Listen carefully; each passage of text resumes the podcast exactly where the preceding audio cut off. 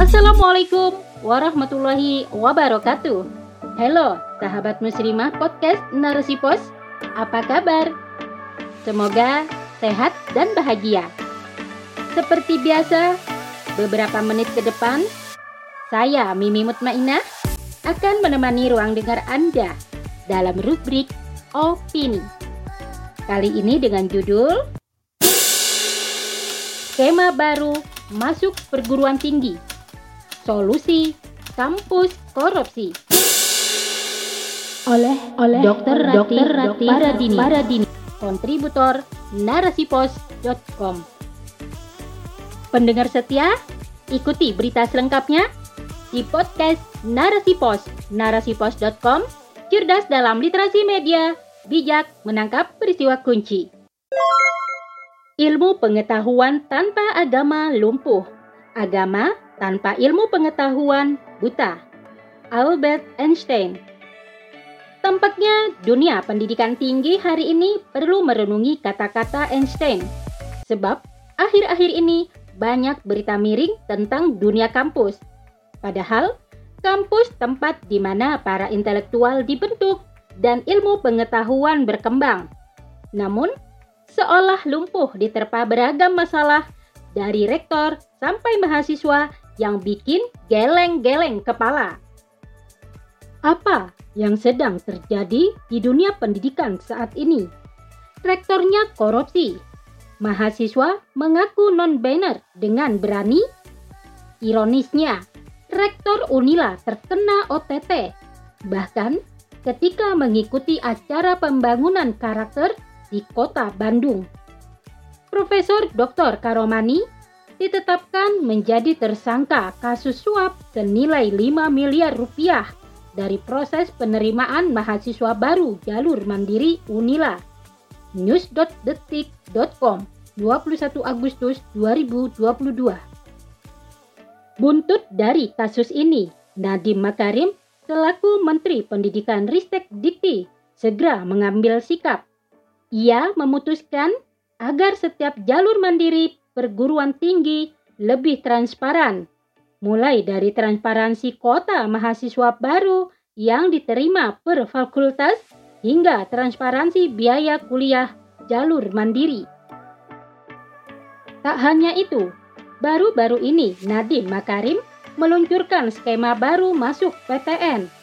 Nadiem menetapkan jalur memasuki PTN melalui tiga skema, yakni seleksi berdasarkan prestasi, tes skolastik, dan tes mandiri yang diselenggarakan masing-masing PTN. Pertama, seleksi lewat jalur prestasi akan menggantikan seleksi nasional masuk PTN atau SMPTN. Dalam seleksi ini, tidak ada lagi perbedaan calon mahasiswa Berdasarkan jurusan di pendidikan menengah, jalur prestasi hanya akan menyeleksi 50% nilai rata-rata rapor dan 50% sisanya diukur dari minat dan bakat. Kedua, seleksi tes skolastik akan menguji kemampuan kognitif, penalaran matematika, literasi bahasa Indonesia, dan bahasa Inggris. Ketiga, tes mandiri yang akan dilakukan masing-masing PTN, Nadim berupaya seleksi mandiri dilakukan secara lebih transparan. PTN juga harus melakukan beberapa hal sebelum dan setelah seleksi mandiri. cnnindonesia.com 9 September 2022 Diakui oleh Herdiansa Hamzah, seorang peneliti dari Pusat Studi Anti Korupsi atau saksi Universitas Mula Warman Samarinda bahwa penerimaan jalur mandiri perguruan tinggi memang rawan korupsi. Kerawanan itu lantaran tidak adanya ukuran pasti dalam penerimaan mahasiswa jalur mandiri dan pengelolaan yang cenderung tidak transparan. Masih menurut Herdiansa Hamzah, fungsi dari penerimaan mahasiswa jalur mandiri yang awalnya diperuntukkan bagi masyarakat miskin menjadi berubah. Kampus terlalu profit oriented dan menjadikannya sebagai arena bisnis. Bukan lagi fokus pada tujuan utamanya dalam mendidik anak bangsa. Lantas, apakah dengan adanya transparansi, korupsi kampus akan selesai? Pengawasan yang baik dan adanya transparansi memang mampu menjadi salah satu upaya dalam mencegah korupsi. Namun, bila tidak ditunjang oleh kesadaran individu, maka celah-celah untuk mendapatkan keuntungan pribadi masih bisa terjadi. Apatah lagi, budaya backingan orang dalam dan jatah dosen sudah umum dialami lewat jalur mandiri. Selain itu, sanksi yang tegas terhadap koruptor juga diperlukan.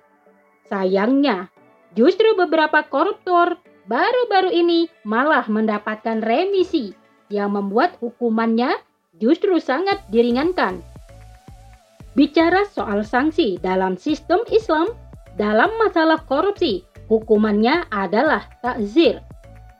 Hartanya bisa disita, dipenjara, dicambuk, hingga dihukum mati. Tergantung pada efek kerusakan yang ditimbulkan oleh korupsi tersebut. Al-Wa'i.id 2021 Kasus korupsi juga bisa terjadi karena sistem pendidikan saat ini berorientasi pada materi.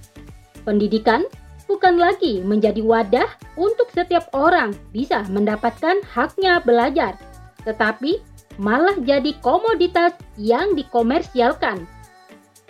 Sejak Indonesia meratifikasi perjanjian General Agreement on Trade Service, di situlah mulainya pendidikan tinggi diliberalisasi Ketika negara tidak campur tangan memberikan subsidi, negara hanya sebatas regulator yang mengomandoi PT Mandiri. Maka dari sinilah peluang korupsi bisa terus terjadi. Selain itu, liberalisme pendidikan tinggi juga tampak dalam kurikulum yang dijalankan. Pemisahan agama dari sains dan kehidupan manusia secara keseluruhan telah mencetak generasi yang pandai ilmu dunia namun tidak takut berbuat dosa dan tak merasa senantiasa diawasi Allah. Akhirnya, marak orang cerdas bahkan sekelas profesor ikut korupsi. Sebab dari awal sistem pendidikan tidak mengintegrasikan akidah ke dalam proses pembelajaran. Maka Bukan sekadar transparansi di perguruan tinggi yang diperlukan, melainkan transformasi sistem pendidikan. Transformasi dengan menjadikan pendidikan sampai jenjang perguruan tinggi sebagai hak rakyat yang ditanggung oleh negara, menggratiskannya agar bisa diakses oleh semua kalangan, menjadikan pendidikan lebih berkeadilan, bukan? Selain itu, pendidikan gratis akan menutup ruang suap menyuap yang biasa terjadi. Pada era Khilafah Utsmaniyah, tepatnya di masa Sultan Muhammad Al-Fatih 1481 Masehi, saat berkuasa, ia menyediakan pendidikan secara gratis. Di Konstantinopel, Al-Fatih membangun delapan sekolah dengan beragam fadilah, mulai dari asrama siswa, lengkap dengan ruang tidur, ruang makan, dan perpustakaan khusus yang dikelola pustakawan yang cakap dan berilmu. Sultan Muhammad Al-Fatih juga memberikan beasiswa bulanan untuk para siswa. Salabi 2004 Terdapat dua sumber pendanaan Baitul Mal yang dapat dipakai untuk membiayai pendidikan, yaitu POS, FAI, dan Khoroj yang merupakan kepemilikan negara seperti ghanimah, humus, seperlima harta rampasan perang, jizyah, dan doribah atau pajak. Pos kepemilikan umum seperti tambang minyak dan gas, hutan, laut, dan hima, milik umum yang penggunaannya telah dikhususkan. Sedangkan pendapatan dari pos zakat tidak dapat digunakan untuk pembiayaan pendidikan, karena zakat mempunyai peruntukannya sendiri yaitu Delapan golongan mustahik zakat. Transformasi pada isi kurikulum pendidikan juga diperlukan agar berorientasi pada pembentukan kepribadian, bukan sekadar menambah gelar. Hingga mampu mencetak para intelektual yang cerdas ilmu sains dan teknologi sekaligus fakih terhadap ilmu agama.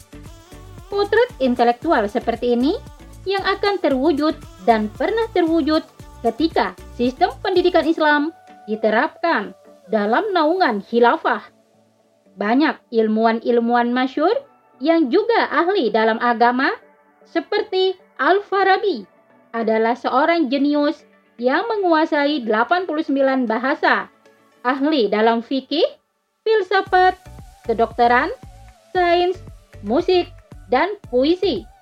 Atau Al-Biruni, salah satu tokoh matematikawan terkemuka. Beliau juga berkontribusi pada astronomi fisika, kedokteran, sejarah, dan menulis naskah-naskah tentang agama. Bahkan, kegemilangan pendidikan era Islam juga diakui oleh cendekiawan barat. Montgomery Watt berkata, cukup beralasan jika kita menyatakan bahwa peradaban Eropa tidak dibangun oleh proses regenerasi mereka sendiri. Tanpa dukungan peradaban Islam yang menjadi dinamonya Barat bukanlah apa-apa. Begitulah potret pendidikan era khilafah. Pendidikan gratis dijamin negara dan kurikulum yang berorientasi pembangunan karakter Qurani menjadi asas pencegahan korupsi terjadi di perguruan tinggi. Skema baru sistem masuk PTN dengan menguatkan transparansi tidak akan benar-benar menghapuskan korupsi jika tidak dibarengi dengan transformasi sistem pendidikan saat ini menjadi sistem pendidikan Islam. Wallahu alam Mes soirs,